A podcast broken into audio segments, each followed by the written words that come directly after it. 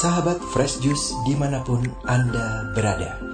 Sesaat lagi kita akan mendengarkan Fresh Juice Kamis 16 September 2021 bersama Ibu Benedikta Wayan Suryani dari Pangkal Pinang. Selamat mendengarkan.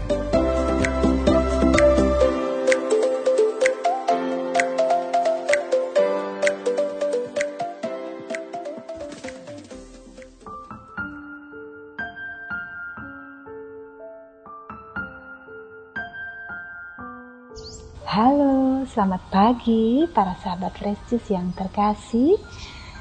Saya sangat bersyukur pagi hari ini pada pesta Santo Cornelius dan Santo Ciprianus boleh kembali menyapa sahabat Restus sekalian untuk bersama-sama mendengarkan dan merenungkan Injil Tuhan yang akan diambil dari Injil Lukas bab 7 ayat 36 sampai 50. Mari kita dengarkan bersama-sama. Inilah Injil Yesus Kristus menurut Lukas. Dimuliakanlah Tuhan. Pada suatu ketika, seorang Farisi mengundang Yesus makan di rumahnya. Yesus datang ke rumah orang Farisi itu, lalu duduk makan. Di kota itu ada seorang wanita yang terkenal sebagai orang berdosa. Ketika mendengar bahwa Yesus sedang makan di rumah orang Farisi itu, datanglah ia membawa buli-buli pualam berisi minyak wangi. Sambil menangis, ia berdiri di belakang Yesus dekat kakinya, lalu membasahi kakinya dengan air matanya dan menyekanya dengan rambutnya. Kemudian ia mencium kaki Yesus dan meminyakinya dengan minyak wangi. Ketika orang Farisi yang mengundang Yesus melihat hal itu, ia berkata dalam hati, "Seandainya dia ini nabi, mestinya ia tahu siapakah dan orang apakah wanita yang menjamahnya ini. Mestinya ia tahu bahwa wanita ini adalah orang berdosa. Lalu Yesus berkata kepada orang Farisi itu, "Simon, ada yang hendak kukatakan kepadamu." Saud Simon, "Katakanlah, Guru." Ada dua orang yang berutang kepada seorang pelepas uang. Yang seorang berutang 500 dinar yang lain 50. Karena mereka tidak sanggup membayar, maka utang kedua orang itu dihapuskannya. Siapakah di antara mereka akan lebih mengasihi dia? Jawab Simon, aku sangka yang mendapat penghapusan utang lebih banyak. Kata Yesus kepadanya, betul pendapatmu itu dan sambil berpaling kepada wanita itu, Yesus berkata kepada Simon, "Engkau melihat wanita ini? Aku masuk ke dalam rumahmu, namun engkau tidak memberi aku air untuk membasuh kakiku. Tetapi wanita ini membasahi kakiku dengan air mata dan menyekanya dengan rambutnya. Engkau tidak mencium aku, tetapi sejak aku masuk, ia tiada henti-hentinya menciumi kakiku. Engkau tidak meminyaki kepalaku dengan minyak, tetapi dia meminyaki kakiku dengan minyak wangi. Sebab itu aku berkata kepadamu, dosanya yang banyak itu telah diampuni karena ia telah banyak berbuat kasih. Tetapi orang yang sedikit diampuni, sedikit pula ia berbuat kasih. Lalu Yesus berkata kepada wanita itu, "Dosamu telah diampuni." Orang-orang yang makan bersama Yesus berpikir dalam hati, "Siapakah dia ini? Maka ia dapat mengampuni dosa." Tetapi Yesus berkata kepada wanita itu, "Imanmu telah menyelamatkan dikau. Pergilah dengan selamat." Demikianlah Injil Tuhan. Terpujilah Kristus.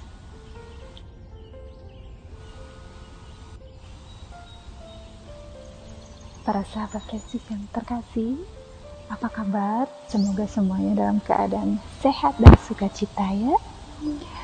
Bacaan Injil hari ini adalah salah satu bacaan Injil favorit dan saya percaya pasti demikian juga dengan para sahabat sekalian, terutama yang wanita. Bagaimana dikisahkan seorang perempuan yang merunduk menangis di kaki Yesus, mencuci kaki Yesus dengan air matanya, menunjukkan sikap tobat yang mendalam, minta belas kasihan, penyesalan, ketidakberdayaan yang sungguh-sungguh akhirnya berkenan di hadapan Yesus. Para sahabat, wanita yang memberi teladan kepada kita bagaimana sikap batin untuk memberikan yang terbaik yang kita miliki kepada Tuhan minyak wangi di zaman Yesus dikisahkan merupakan sebuah harta yang sangat mahal harganya. Tetapi itu dipersembahkan untuk mencuci, membasuh kaki Yesus. Wanita itu juga memberikan dirinya, menangis tanpa berkata sepatah kata pun. Karena dia percaya. Saya yakin wanita itu tidak ujuk-ujuk melakukan itu tanpa mengenal Yesus. Dia pasti tahu, dia pasti mengikuti apa yang Yesus lakukan. Meskipun itu dari jauh, dia mendengar kabar tentang bagaimana Yesus menyembuhkan orang, mengajar, dan dia percaya Yesus berkuasa untuk mengampuni dosa-dosa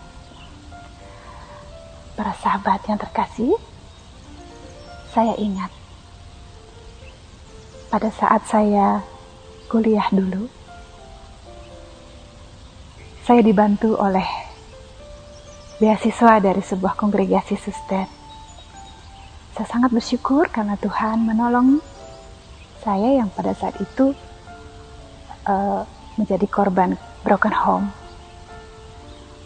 Saya juga ingat saya merasa sangat sungkan untuk meminta keperluan kuliah saya kepada para suster dan saya memberanikan diri untuk menelpon ayah saya yang sudah berpisah dengan ibu di Bali. Waktu itu saya mengungkapkan, Bapak saya perlu ini dan itu untuk kuliah. Ayah saya serta merta menjawab, ya ya nanti Bapak kirim, tenang saja, besok ya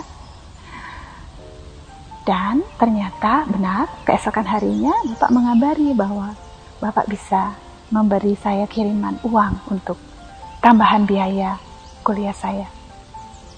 Belakangan, sesudah sekian puluh tahun kemudian, waktu saya sudah menamatkan uh, kuliah saya, sudah bekerja, dan sudah pulang ke rumah uh, untuk sesekali menjenguk beliau, Bapak saya cerita bahwa pada saat dulu waktu kuliah, Bapak saya menerima permintaan tambahan uang dari saya. Bapak saya bingung, mau cari uang di mana. Dan akhirnya Bapak saya menghubungi adik beliau, bibi saya. Di kampung, bibi saya bekerja sebagai pembuat batu bata. Kampung kami di Gianyar, Bali, itu terkenal dengan produksi batu bata yang cukup berkualitas, cukup terkenal di Bali. Bibi saya juga tidak pikir panjang, langsung memberikan uang yang diminta oleh kakaknya, ayah saya, untuk dikirimkan ke saya. Pada saat mengetahui hal itu, saya merasa sangat terharu. Ternyata orang tua saya sungguh-sungguh mengupayakan yang terbaik, mengupayakan segala hal untuk bisa membantu saya mencapai cita-cita saya.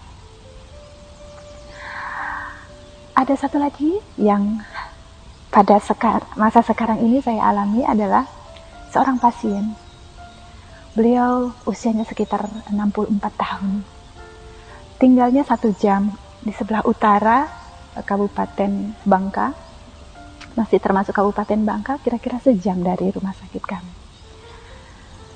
Di Bangka, transportasi umum tidak banyak, para sahabat sekalian. Jadi, biasanya orang menyewa kendaraan.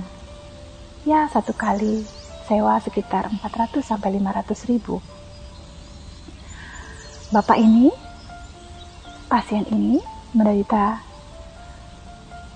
uh, kebutaan di satu matanya. Jadi beliau hanya punya satu mata untuk beraktivitas sehari-hari. Pekerjaan beliau menyetir.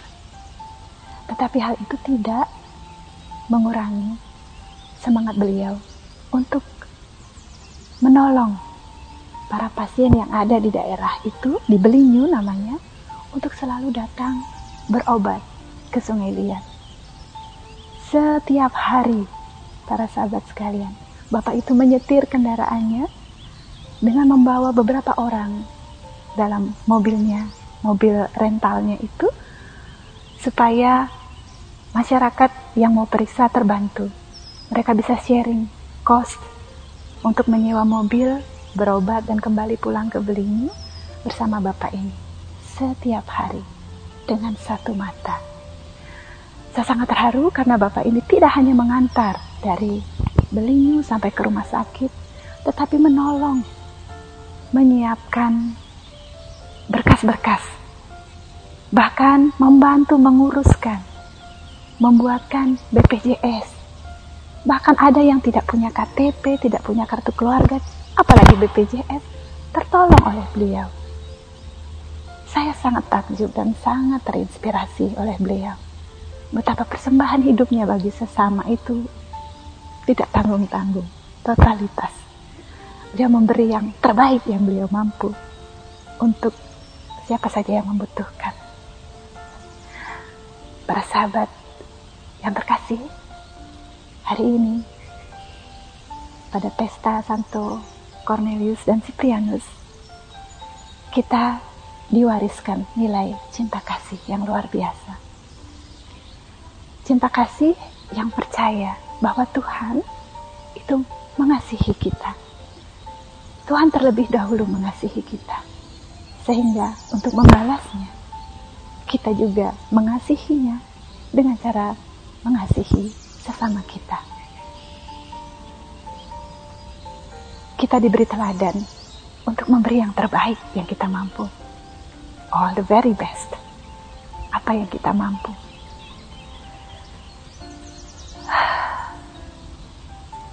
Para sahabat yang terkasih, terbaik artinya sesuai dengan talenta yang kita miliki.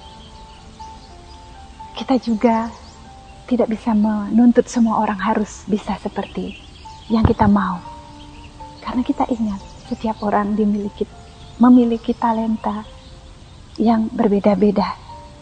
Ada yang diberi satu, ada yang diberi dua atau tiga, ada yang diberi lima. Dan mengupayakan yang terbaik dari apa yang kita punya, itulah kewajiban kita. Mari kita bersama-sama meneladan para tokoh yang menginspirasi kita hari ini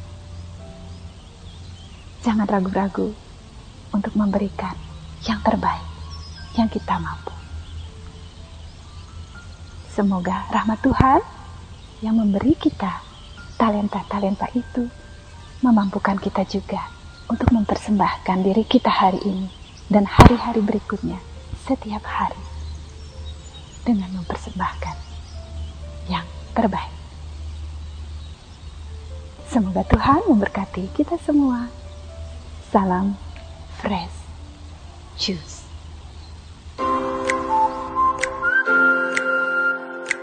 Sahabat Fresh Juice, kita baru saja mendengarkan Fresh Juice Kamis 16 September 2021.